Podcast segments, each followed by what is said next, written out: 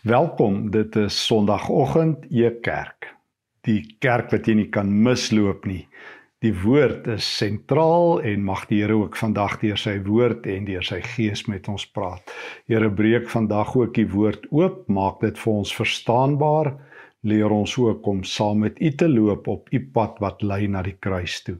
In Jesus se naam. Amen. Ons het die voorreg het ek self om vandag en op Goeie Vrydag en op Sanning Sondag die volgende 3 geleenthede saam met jou te reis. En ek wil graag dit doen aan die hand van die Markus Evangelie en aan die hand van hoe Markus vir ons vertel Jesus se pad loop tot by die kruis en aan die ander kant.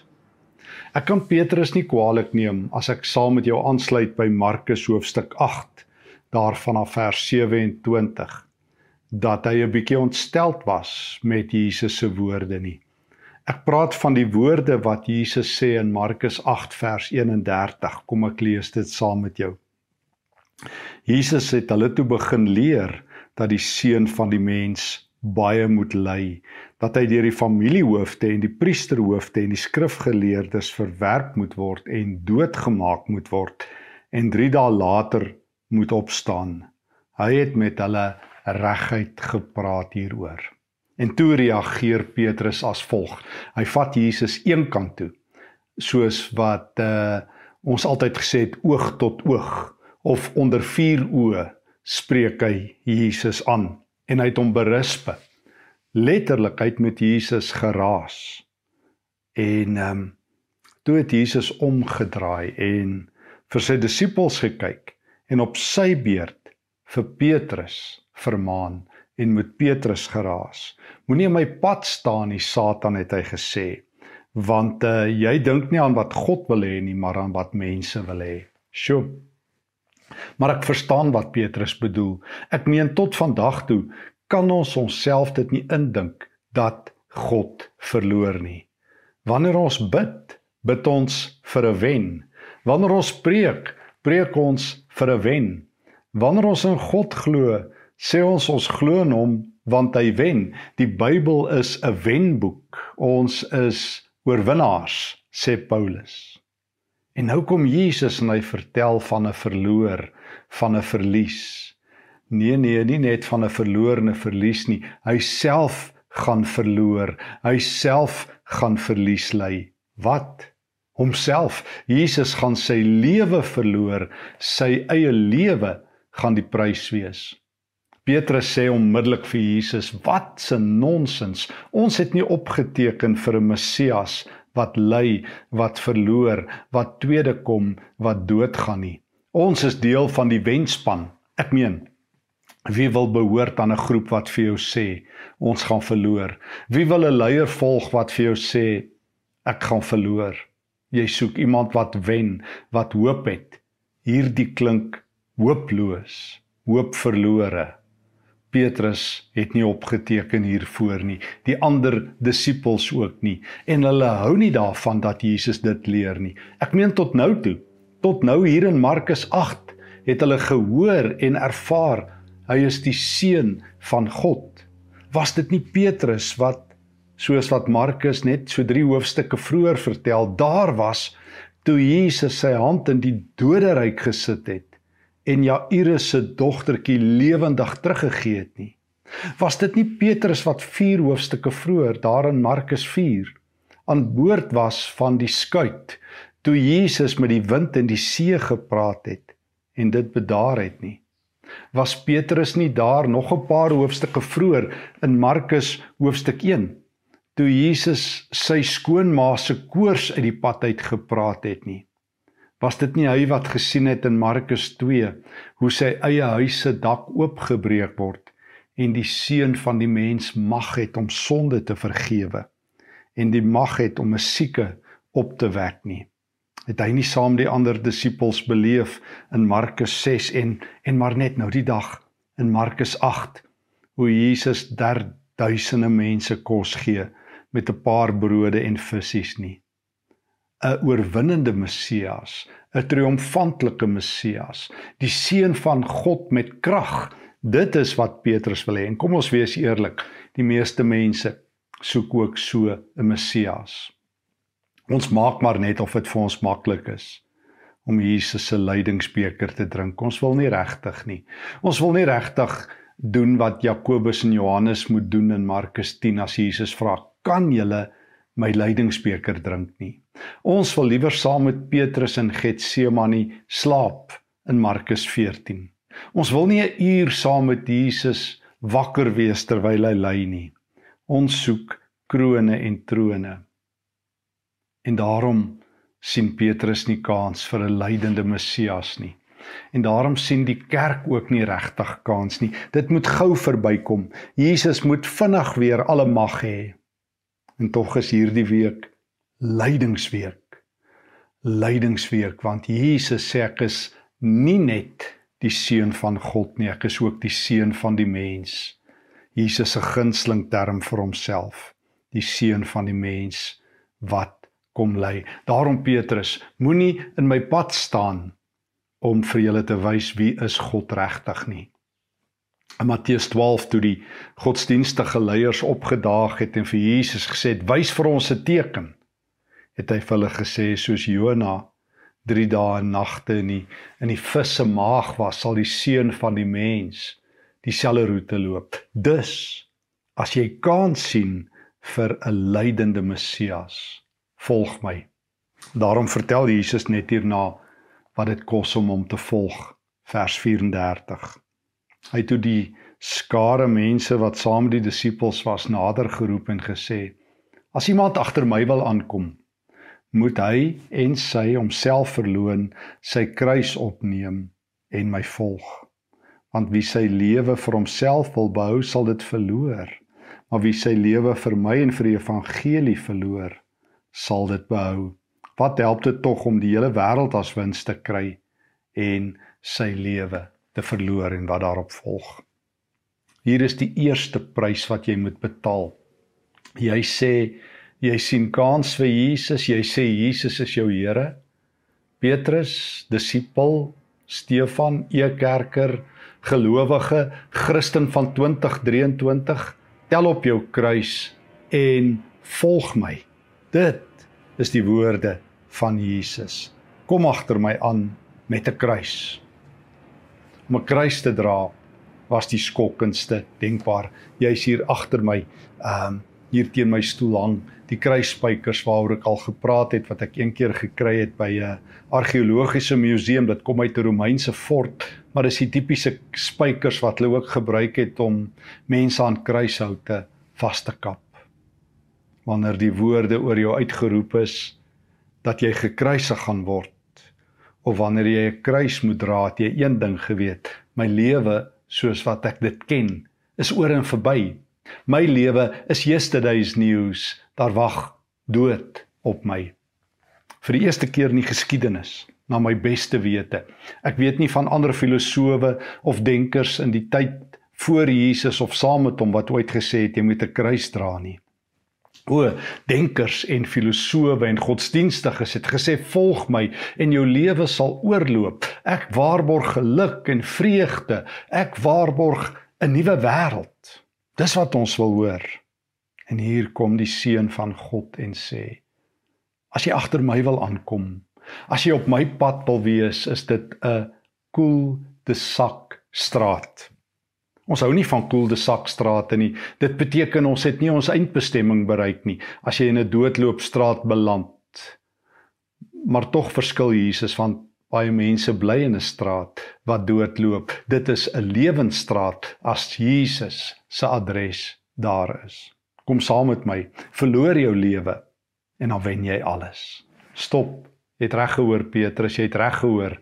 Ehm uh, gelowige, stop verloor jou lewe om my ontwil, dan wen jy alles. Jy kan niks verloor as jy klaar jou lewe vir my verloor het nie. Jy kan nie verneder word as jy jou genoeg verneder het deur my kruis op te tel nie. Petrus, jy kan nie genoeg ly as jy nie saam met my ly nie. As jy nie bereid is om die seun van die mens te volg nie. O, dis lekker om die seun van God te volg, om in 'n vol kerk en op 'n stadion te sit en en die Here te loof en daar's niks meer verkeerd nie. Maar wanneer jy alleen in die wêreld is en 'n beker moet drink en 'n kruis moet dra, is dit geen grap nie. As jy iewers in die buiteland bly en jy is die enigste Christen in jou dorp of jou stad, as jy in Suid-Afrika is en moet week na week misdaad en chaos en korrupsie in die oë kyk en jy sê Here, hoe verder?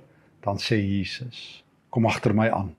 Verloor jou lewe, dan het jy alles verloor. Dan kan die lewe en mense jou niks meer maak nie. Moet jou nie skaam vir my kruis nie, dra dit. 'n Tweede keer doen Jesus dit 'n hoofstuk later. Ek lees in Markus 9 vanaf vers 30.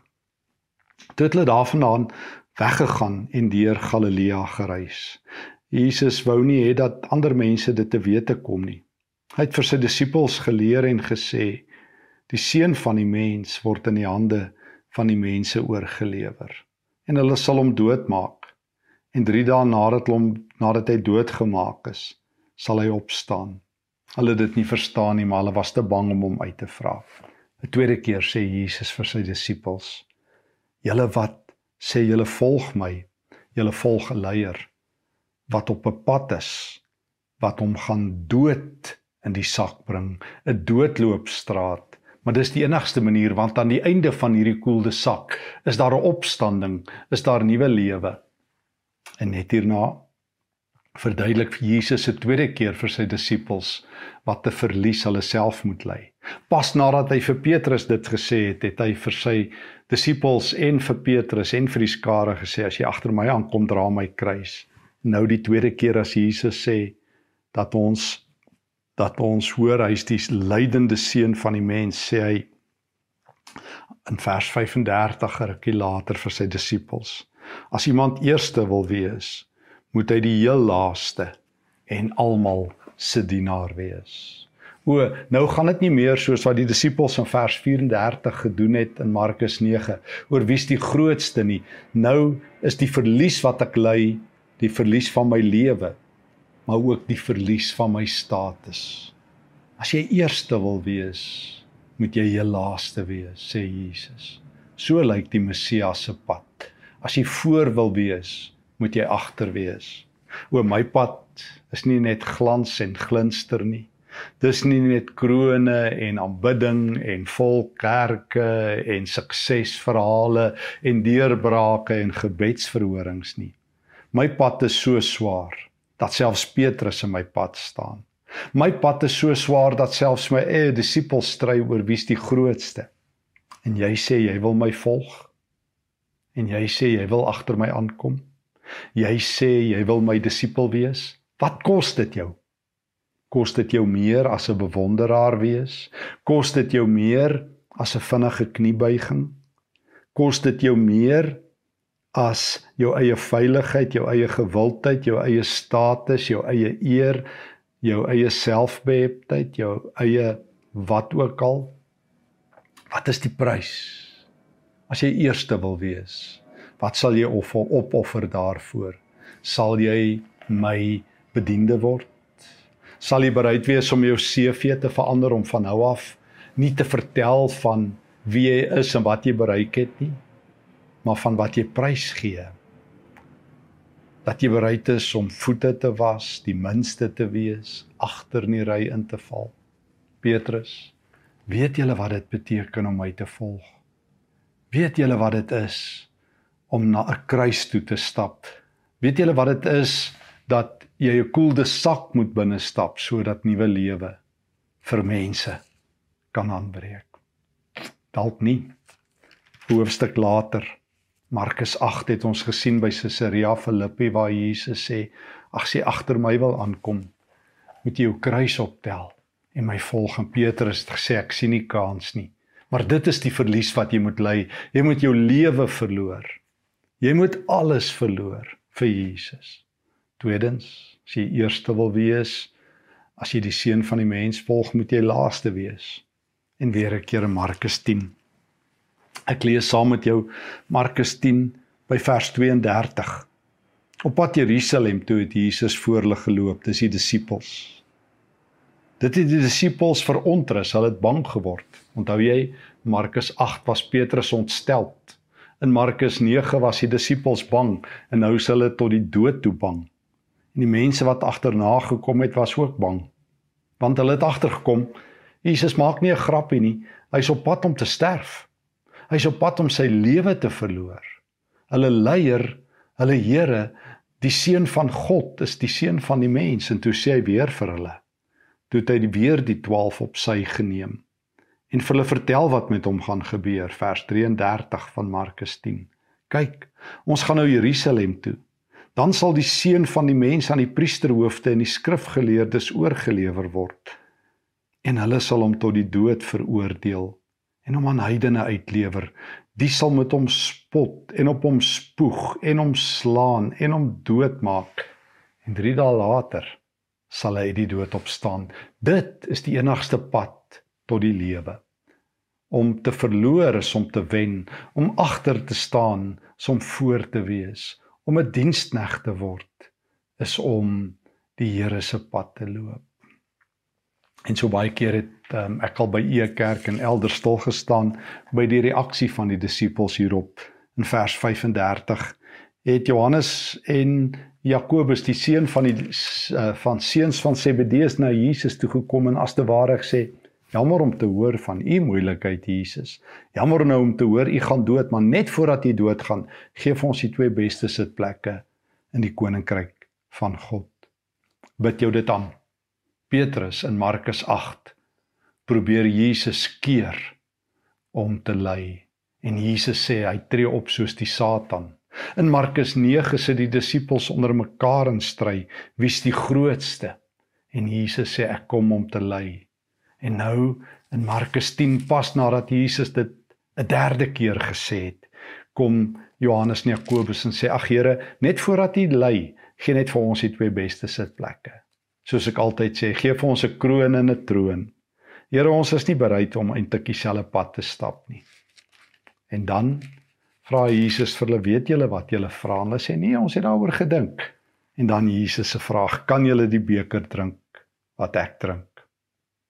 En dan sê hulle ons kan en dan sê Jesus dis reg. So dit is moontlik. Dit is inderdaad moontlik dat jy en ek 'n kruis kan dra.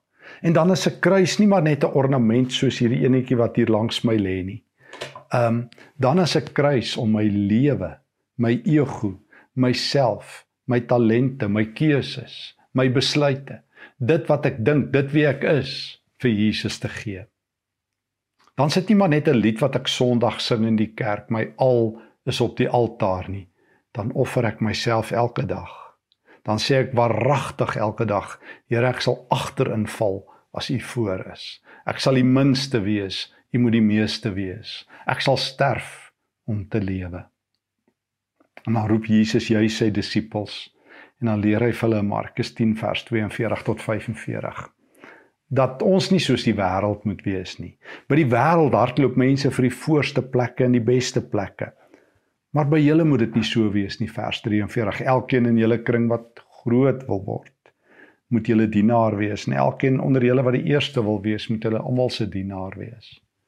Hier word ook 'n ander term gebruik. Hier sê Jesus jy moet 'n slaaf word. Markus 9 het ek sê ons moet 'n bediende, 'n dienskneg word. In Markus 8 het gesê ons moet 'n kruis dra. En nou sê hy ons moet almal se bediende, almal se slaaf word. Want die seun van die mens vers 45 het nie gekom om gedien te word nie, maar om te dien en om sy lewe te verloor vir baie mense. O, dit is nog altyd die roete van die Christendom. In weggee is daar wins. In prysgawe is daar lewe in lewensverlies vir Jesus is daar die wins van die ewige lewe. In alles verloor is daar alles wen. Die Christendom het dit nog altyd verstaan. Dis hoekom Christene, disippels so anderster is. Ons is nie 'n magsgodsdienst soos baie ander maggodsdienste nie. Net nou die dag vertel iemand weer vir my van hoe ander godsdienste optree met mag, die moslems en swaan wat niks nonsens vat nie. Sê ek maar dis nie wie ons is nie. Ons volg Jesus se voorbeeld 1 Petrus 2. Toe hy beledig is, het hy nie terugbeledig nie. Toe hy aan die kruis vasgenaal is, het hy nie met woede en geweld gereageer nie. Ons is diensknegte. Ons dien mense na die Here toe. Ons dien mense na 'n plek voor ons in die ry toe. Ons pad is ook 'n doodloopstraat, 'n koelde sak, maar God dank dis Jesus se. Wanneer baie mense net in 'n doodloopstraat beland, is daar geen uitweg nie. Maar wanneer jy agter Jesus aanstap, is die doodloopstraat met eens lewensstraat dan is die kruis met eens die plek waar die bordjies verhang word soos ons Vrydag sal sien. Maar weet jy wat? Weet jy wat? Wanneer jy sê jy teken op om die seun van God te volg, dan volg jy ook die seun van die mens. En wat sê hy drie keer? Ek gaan sterf. Jy sal saam met my hierdie pad moet aandurf. Jy sal om dit regtig die gewig daarvan te voel, my kruis moet dra.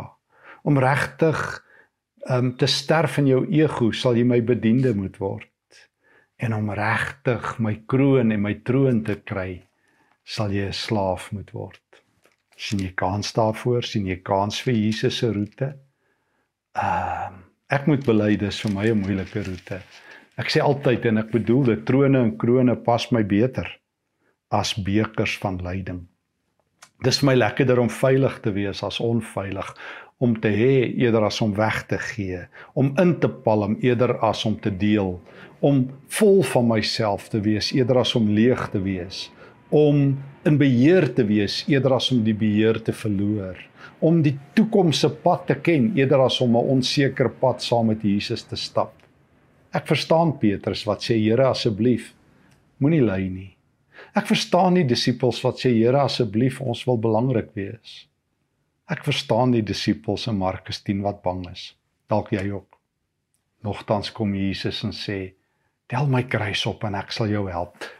Ehm um, want want my kruis daar sal ek jou dra sodat jy my kruis kan dra. Kan ek dit weer sê? By my kruis sê Jesus sal ek jou dra sodat jy my kruis kan dra. Kyk na my. Ek sal jou leer om minder te word sodat jy meer kan word. Ek sal jou leer om swak te wees sodat jy sterk kan wees. Ek sal jou leer om 'n slaaf te word sodat mense op jou skouers plek sal hê om my te sien.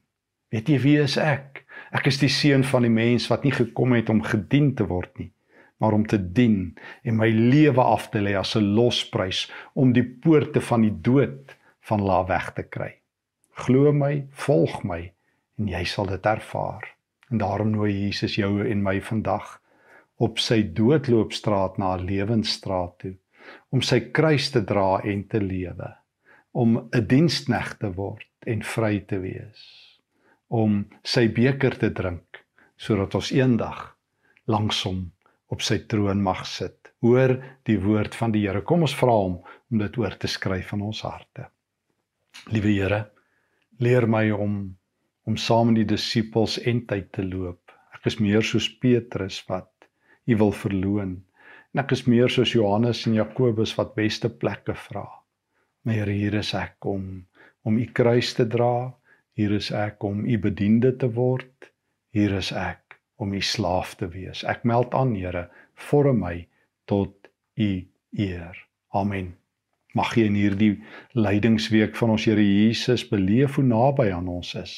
Vrydagoggend op Paasvrydag gaan ons ook saam ehm um, stil wees by die kruis.